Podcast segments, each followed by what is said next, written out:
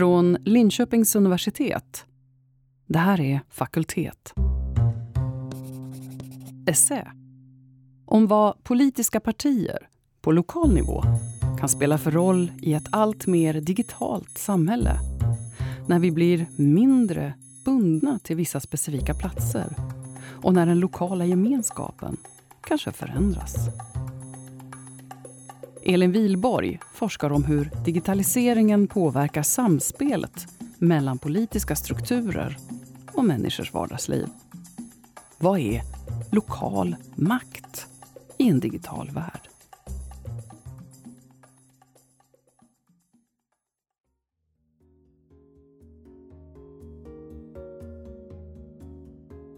Digitaliseringen är idag en samhällsomvandlande kraft i paritet med industrialiseringen och framväxten av industrisamhället. Digitaliseringen genomsyrar i princip alla sociala och organisatoriska och ekonomiska aktiviteter idag. Det handlar om hur vi kan kommunicera med varandra, hur vi arbetar, hur vi konsumerar och hur vi skapar bilder av våra verkligheter som på olika sätt formar våra värderingar och normer. Det som utgör vårt samhälle. Digitaliseringen omformar själva organiseringen av vårt samhälle och vår samvaro. Är det så att digitaliseringen bidrar till att vi bygger ett samhälle där vi är allt mindre tidsrumsligt bundna, det vill säga allt mindre på en plats vid en tidpunkt. I ett sådant sammanhang, hur bidrar vi då till att skapa sociala och politiska strukturer som ger oss förutsättningar att bygga ett så gott samhälle som möjligt för så många som möjligt? Sådana här frågor har under lång tid drivit mig i min forskning. Som statsvetare har jag sökt efter hållbara institutioner i det digitala samhället. Jag och min forskargrupp vi intresserar oss för att förklara och förstå hur samhället byggs och hur gemensamma normer och strukturer formas och fungerar i ett allt mer digitalt samhälle. Vi sätter ett särskilt fokus på det lokala. I den här texten, som publicerades i samband med demokratins 100-årsjubileum med titeln Partiernas vägval, så sätter jag fokus just på de politiska partiernas roll i dessa sammanhang.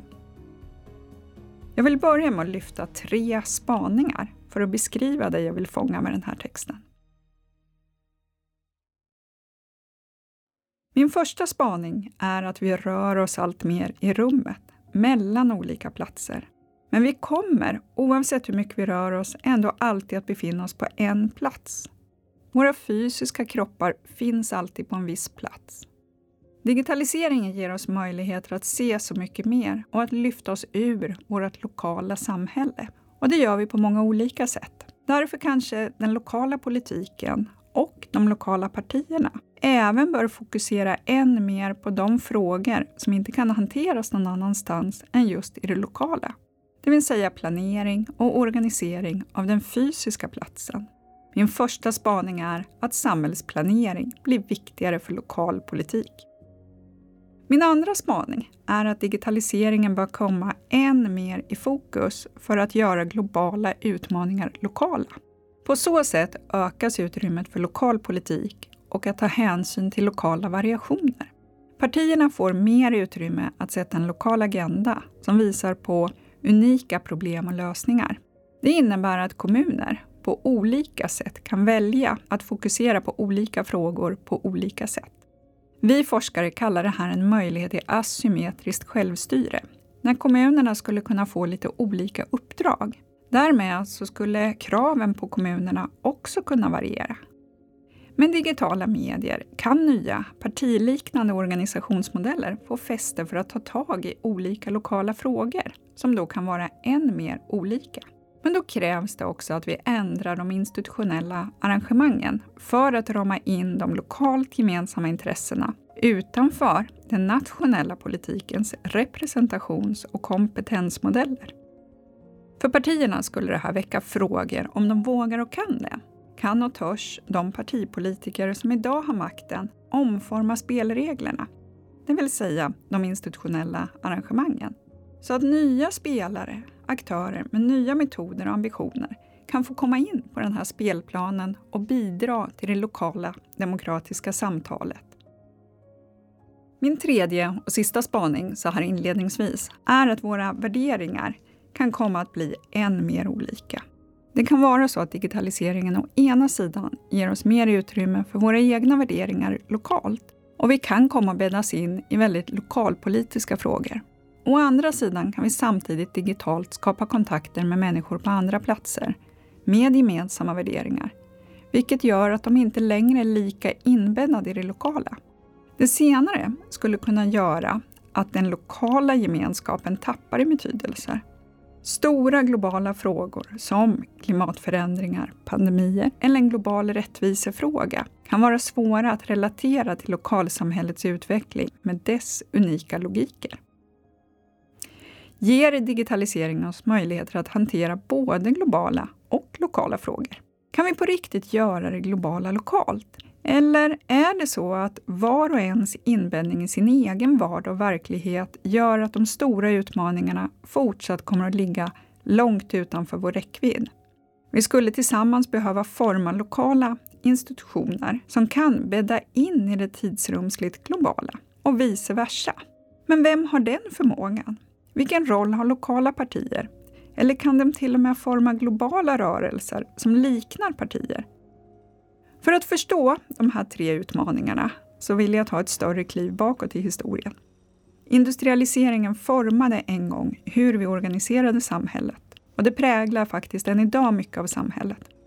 Städer växte fram. Vi avgränsade arbetet i tid och rum. Arbetet flyttade in i industrin och det skapade ett demokratiskt styrelseskick som fick resurser att omfördela till den välfärdsstat som nu har format Sverige. Vi blev ett land som egentligen består av välfärdskommuner. För det är på kommunal och regional nivå som vi organiserar och finansierar alla de tjänster som vi fångar in med begreppen vård, skola och omsorg. Vi i Sverige valde en modell där vår tradition av lokalt självstyre med grund i de medeltida sockenstämmorna blev vägledande. De självstyrande kommunerna fick stort ansvar för att organisera och fördela den välfärd som karaktäriserar landet. Men resurserna har vuxit väldigt ojämnt i landet och välfärden varierar därför. Industrins förmåga att generera arbetstillfällen varierar över landet. Därför fick även kommuner olika resurser för de lokalt gemensamma uppdragen inom välfärden. Därför har staten klivit in allt mer och ställde krav på mer likriktning. Utmaningen att ge alla människor i samtliga kommuner i hela landet likvärdig vård, skola och omsorg har sedan dess vuxit. Maktfördelningen mellan staten, kommunen och dess invånare förändras. Med digitala lösningar är det inte längre givet att välfärden behöver tillhandahållas lokalt. Exempelvis använder vi alla i hela landet tjänsten 1177.se eller på telefon ringa 1177 för att få kontakt med sjukvården. Men det är de olika regionerna som samordnat 1177 och därför möter de oss egentligen lokalt fast det är på nätet. Där är ett exempel på hur global teknik kan användas väldigt lokalt. För att ytterligare fördjupa och resonera lite mer om hur digitaliseringen kan förändra maktfördelningen mellan stat och kommuner och hur det i sin tur kan påverka partiernas agerande strukturerar jag mina argument i tre steg. För det första vill jag klargöra att digitaliseringen förändrar både teknik och samhälle. Den utmanar också hur vi uppfattar vår geografi. För det andra vill jag framhålla att flernivånsstyrningen mellan stat och kommun, där regionerna också finns på sidan om, bygger på en just geografisk maktfördelning. För det tredje vill jag visa att de svenska politiska partierna, som har organiserats utifrån modellen för flernivåstyrning, behöver förmedla folkets röster på nya sätt i en digital tid. Resonemangen här utgår alltså från de teoretiska och empiriska företeelser som har stått i fokus för min forskning allt sedan min avhandling, som jag la fram redan i december år 2000, om utbyggnaden av IT i glesbygd, alltså steget före bredbandsutbyggnaden. Då väcktes mitt intresse för hur människor på olika sätt inkluderas i ett digitalt samhälle. Idag leder jag en tvärvetenskaplig forskargrupp som vi kallar DINO, Digitalisering i nya offentligheter. Vi fokuserar på digital förvaltning. Vi utgår från teorier om ett ömsesidigt samspel mellan teknik och samhälle för att kunna fokusera på aktuella utmaningar kring digitaliseringen i offentlig förvaltning och i samhället lite bredare. Digital teknik bäddas in också i annan teknik och till och med i oss själva. Digitala verktyg kan hjälpa oss att sätta på värmen i bilen innan vi ska åka iväg en kall vintermorgon. Eller säga till när en diabetiker behöver mediciner som krävs för att kroppen ska fungera som den ska. Vi lever idag helt enkelt inbäddade i ett digitalt samhälle. Vår vardag fungerar tack vare digitaliseringen. Digitaliseringen är både en teknisk och i högsta grad en social och organisatorisk process. Med ny teknik är det möjligt att organisera vad vi gör på nya sätt. Till exempel har vi alltid skickat meddelanden på olika sätt. Idag kan vi dock göra det mycket snabbare med datorer och telefoner. Andra saker utvecklas på helt nya sätt, som möjligheten att i realtid få information om var andra människor långt ifrån oss befinner sig. Det kräver såväl system för kommunikation som bestämning av positioner.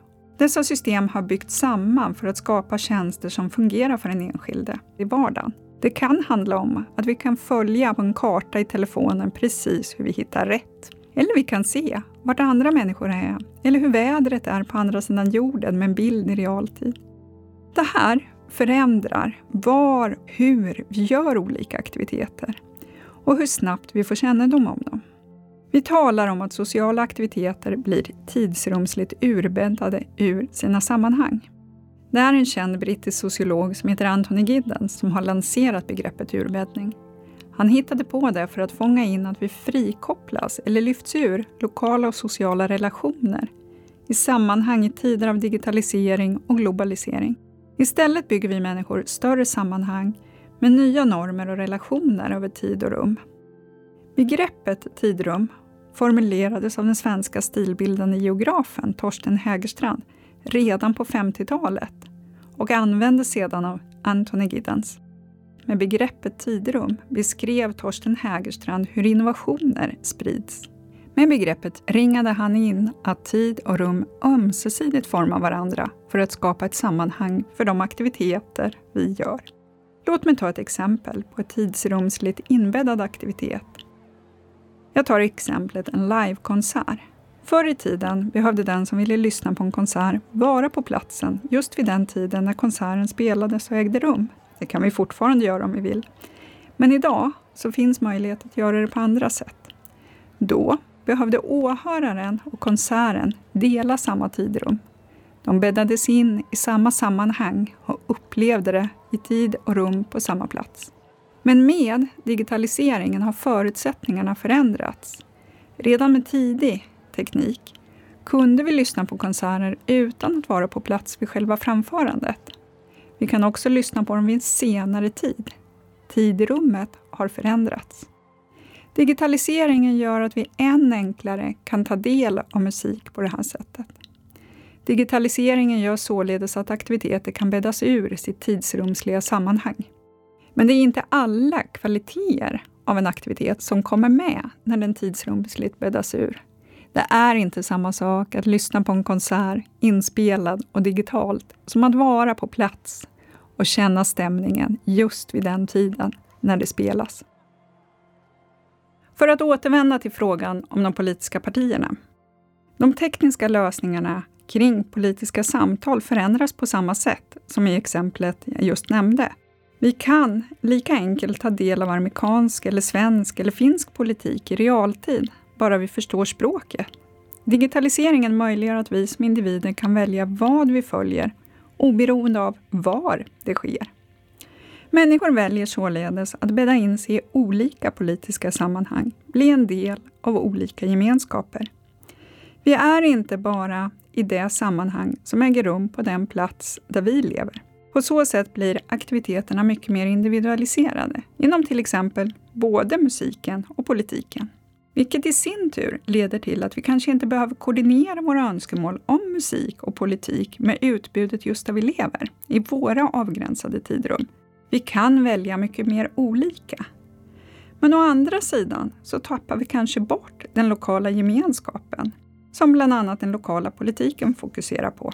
Vad är det vi har gemensamt vid den plats, vid den tid där vi lever? Flernivåstyrningen, som vår demokrati präglas av, har en tydlig ansvars och uppgiftsfördelning där det lokala ska hantera vissa frågor. Vi organiserar olika rum, typ kommuner, regioner eller län och stater. I varje rum skapas olika uppdrag och olika uppgifter löses för att i tur och ordning skötas över tid. Från detta perspektiv ter sig flernivåstyrningen som en tidsrumslig ordning. Men digitaliseringen, som bidrar till att vi inte längre är inbäddade i avgränsade tidsrumsliga sammanhang, bidrar också till att hota eller kanske till och med bädda ur oss ur flernivåstyrningens grundläggande modeller för demokratin i Sverige.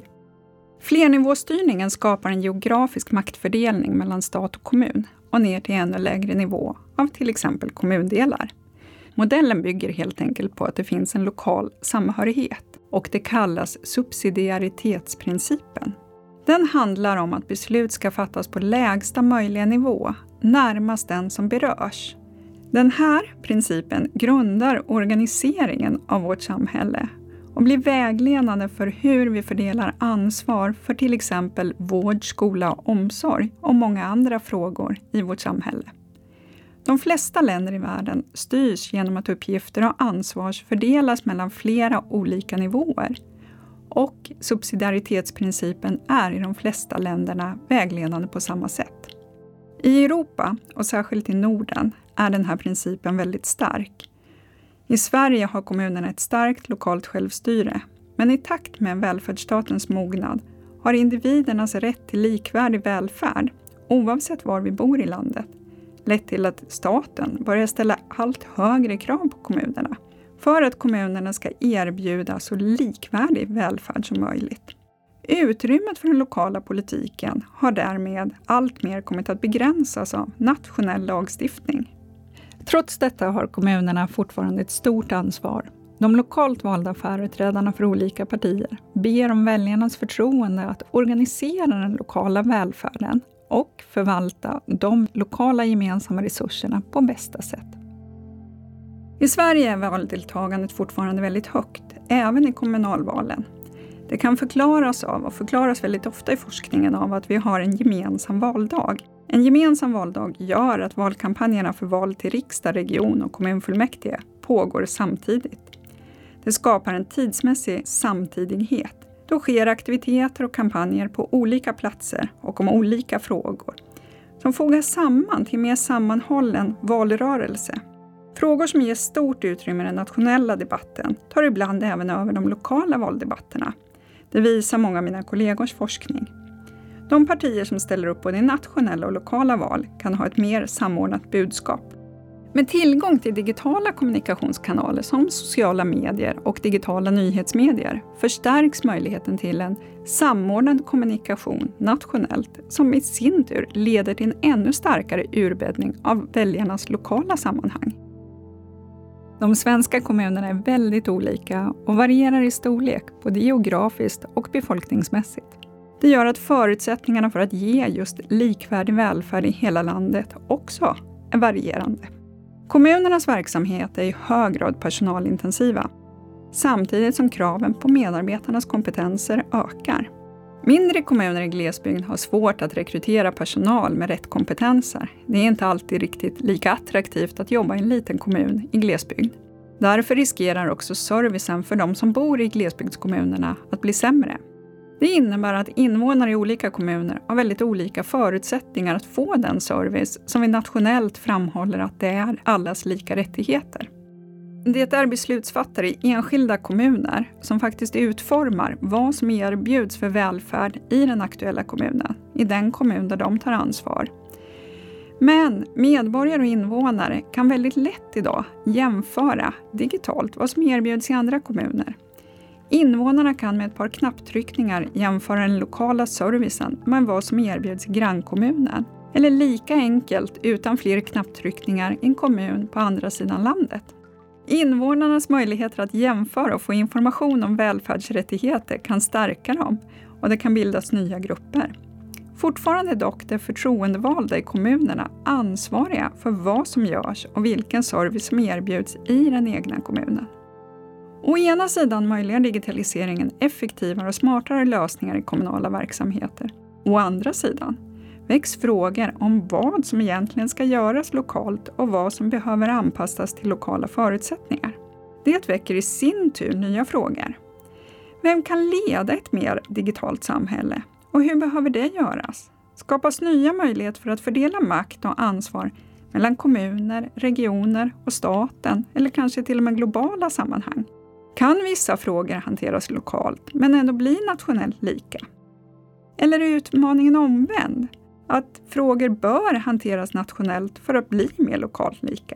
Har partierna lokalt fortfarande en roll? Sådana frågor kan inte vi som forskare studera och än mindre analysera, för det har ännu inte hänt. Det är i hög grad politiska frågor som jag hoppas att politiken tar ännu mer diskussion kring. Men avslutningsvis vill jag ändå ur ett forskarperspektiv resonera lite mer öppet vad som skulle kunna möjliggöras. Därför vill jag återknyta till begreppet asymmetriska kommuner som jag nämnde tidigare och som innebar att kommuner skulle kunna ha olika uppdrag och ansvar. De svenska partierna, som har organiserats utifrån modellen om flernivåstyrning, har en stark grund att stå på. De är förankrade i den lokala välfärden och i kommunerna. Kommunernas självstyre slås fast redan i vår grundlag. Men det är ett institutionellt sammanhang som i hög grad formades i samspel med industrisamhällets organisering av samhället. Då, när arbetet var på plats, avgränsades i tid och rum av fabrikernas stämpelklockor och fabriksporten. Det är ett arrangemang som har varit framgångsrikt för att bygga välfärd under en väldigt lång tid i Sverige och som har fördelat det politiska ansvaret på ett väldigt lämpligt sätt där vi har nyttjat våra resurser väldigt effektivt. Men idag ser läget annorlunda ut. Konjunkturrådets rapport 2019 ägnades just åt läget i kommunerna. Där konstaterades att allt fler partier ingår i kommunernas kommunfullmäktigeförsamlingar runt om i hela landet. Det visar att flera lokala partier har vunnit väljarnas stöd Samtidigt ökar både antalet blocköverskridande samarbete mellan höger och vänster och kommuner som har minoritetsstyre. Dessutom är det inte ovanligt att den styrande koalitionen i kommunen skiftar under en mandatperiod, alltså utan att väljarna har fått säga sitt. Detta oftast eftersom de inte klarar av uppdraget att hålla ihop och styra i den koalition som bildas efter ett val. Det här är problematiskt. Det tyder på att vi kan behöva ett nytt institutionellt arrangemang. Den asymmetriska ansvarsfördelningen mellan kommunerna kan då ses som en lösning. Förr fanns sådana skillnader mellan tidigare landskommuner, städer och köpingar. Fördelen med förslaget anses främst vara effektivisering och möjligheter att ge lika välfärdsservice till alla i hela landet. Men samtidigt lyfter rapporten fram utmaningar det pekar på att självstyret riskerar att urholkas och att det finns en risk att kommunerna delas upp i A och B-lag. Rapporten kopplar dock inte det här till digitaliseringen. Men det vill jag göra igen för att knyta ihop. Med digitala verktyg och digitaliseringens potential kan lokala politiker än enklare hantera det lokalt unika på sitt unika sätt. Med sociala medier kan de fånga upp lokala opinioner och skapa gemenskap kring frågor som passar den kommunens storlek, resurser, kompetenser och intressen. Då skulle mer komplexa frågor och sådant som små kommuner sällan behöver hantera kunna flyttas till en annan nivå. Asymmetrin skulle även kunna nyttjas så att de små kommunerna erbjöds färdiga standardiserade lösningar med till exempel digitala system för vissa tjänster. På så sätt skulle inte alla självstyrande kommuner var och en behöva hitta lösningar på mer generella utmaningar. När digitaliseringen leder till mer individualisering kan partierna spela en starkare roll av att bygga nätverk, att hitta de gemensamma intressena. Det var faktiskt så de första demokratiska partierna bildades. Då kanske vi även skulle kunna hitta nya samverkansformer och nya verktyg för en digital demokrati. Det kan således i ett allt mer digitalt samhälle uppstå utrymme att skapa nätverk som skulle kunna vara mer asymmetriska och tillvarata politikens intresse. Partierna skulle då lokalt kunna fånga in vad som anses vara just lokalt och som bör styras lokalt. Andra frågor skulle de kunna bädda in i andra strukturer och på andra nivåer. Då kanske vi kan lyckas nyttja digitaliseringens nya tidsrumsliga möjlighet på bästa sätt för att skapa vardaglig välfärd för så många som möjligt. Kanske vi då också hittar nya sätt att få engagemang i partier och för den lokala politiken i en digital tid.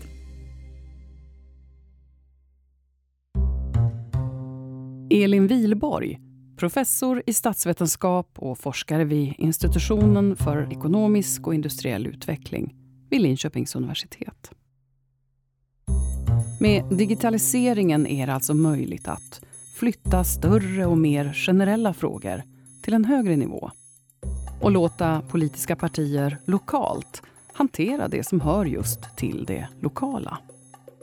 Det innebär å ena sidan att vi skulle gå ifrån principen om att beslut ska fattas så nära människor som möjligt. Men å andra sidan så öppnar det upp för att fördela och planera välfärd på ett jämnare sätt. Som utgår ifrån digitala förutsättningar snarare än geografiska. En maktfördelning som industrialiseringen skapade.